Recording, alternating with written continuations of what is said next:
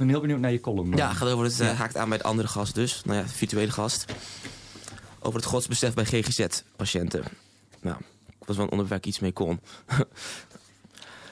Lang voordat je weet of je überhaupt arbeidsgeschikt bent... word je als kind al geacht te beslissen wat je wil worden als je groot bent. Dat levert vertekende toekomstperspectieven op... die later voor veel frustratie kunnen zorgen. Zo wilde ik vroeger Marga van Praag worden. In groep 5 heb ik deze droom onder grote druk laten varen. Niet lang daarna besloot ik dat ik filantroop van beroep wilde worden.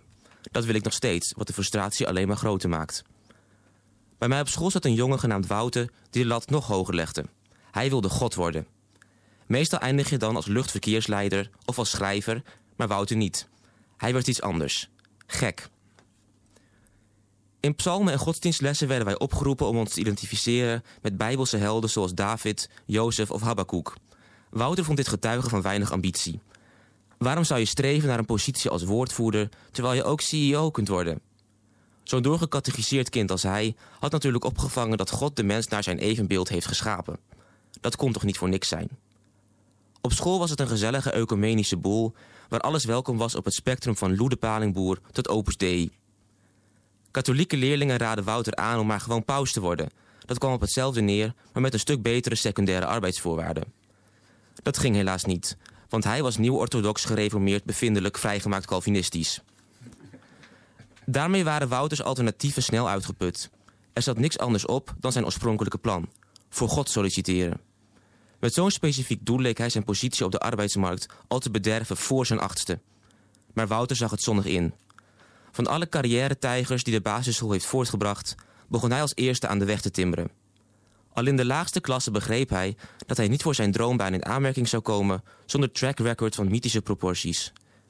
De basis voor zijn cv legde hij met een oud-testamentische mentaliteit. Hij was manipulatief, veel eisend en kon bij de geringste twijfel aan zijn autoriteit ontsteken in woede. Periodes van creativiteit wisselde hij af met controledwang. Hij opereerde vooral achter de schermen en intimideerde klasgenoten net zo lang tot hij zijn mededelingen over het schoolplein verspreidde. Toen iemand twijfelde aan zijn gezag, stak hij een struik voor het gymlokaal in brand. Van schrijven moest hij niets weten, dat was meer een profetenklusje. Er was ook geen tafel die hem interesseerde, of hij moest van steen zijn. Handvaardigheid vond hij dan wel weer relevant. Vooral op zoutpilaren kon hij zich helemaal, uit, helemaal, helemaal uitleven. Op een dag liet hij een meisje weten dat hij haar prikkeldraad zou geven als ze niet haar lievelingspop in stukken zou hakken. Huilend van angst bond het kind haar babyborn op een hakplank. Juist toen ze de mespunt op het plastic halsje zette, riep Wouter: Haha, grapje, ik wilde je alleen maar even testen. In groep 8 was iedereen bang voor Wouter, ook al spijbelde hij bijna altijd. Hij was dus gevreesd en onzichtbaar, waarmee hij al in de buurt van zijn einddoel kwam. Mensen hoefden alleen nog in hem te geloven. In zekere zin deden ze dat al, maar dan met name in zijn woede- en waanstoornissen. Toen zijn middelbare schooltijd aanbrak, werd Wouter daarom op speciaal onderwijs gezet. Voor hem was het een opluchting dat anderen eindelijk erkenden dat hij speciaal was. Misschien is dit de reden waarom de tyrannieke driftkikker na de basisschool begon te ontspannen. Je zou kunnen zeggen dat hij een boek dichtsloeg. Het Oude Testament om precies te zijn. In plaats daarvan kwam het Nieuwe Testament, met een nieuwe God en een nieuwe Wouter. Ik heb in die jaren niet veel van hem vernomen, maar hoorde later dat hij direct was doorgestroomd naar een kliniek.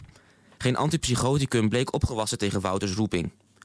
In de instelling bleef hij werken aan zijn loopbaan. Het schijnt dat hij ooit een dode pad zag liggen en het beest toesprak, waarna het zich spontaan weer bij het rijk der levenden voegde. Drie schizofrene medepatiënten bevestigden dat ze de amfibie even later in blakende gezondheid door een kamer zagen springen.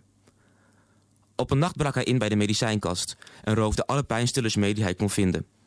Toen de volgende morgen bij het ontbijt iedereen zijn pillenrantsoen naar binnen had gewerkt, voelde hij de borden bij met opiaten. En daarna nog eens en daarna nog eens. Toen het personeel doorhad welke wonderbare vermenigvuldiging hier gaande was, werd Wouter afgevoerd naar een isoleercel. Maar voorwaar, de volgende morgen stond de zware deur open en was de cel leeg. Op het keurig opgevouwen beddengoed na. Wouter verscheen even later doodgemodereerd met stichtelijke woorden aan de oever van de tuinvijver. Zijn collega gekken schaarden zich vol ontzag om hem heen. Niet veel later besloot Wouters vader dat het welletjes was geweest in het gekkenhuis. Hij kwam naar de kliniek en nam zijn enige zoon met zich mee. Voor zijn vertrek verzekerde Wouter de andere patiënten nog wel dat hij ooit terug zou keren. Wanneer kon hij nog niet zeggen. Zijn volgelingen namen afscheid tot tranen geroerd.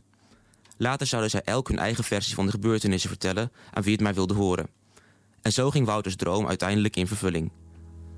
Had ik eerder geweten dat je het met genoeg doorzettingsvermogen zo ver kunt schoppen, dan was ik nu Marga van Praag geweest. Geweldig. Superleuk.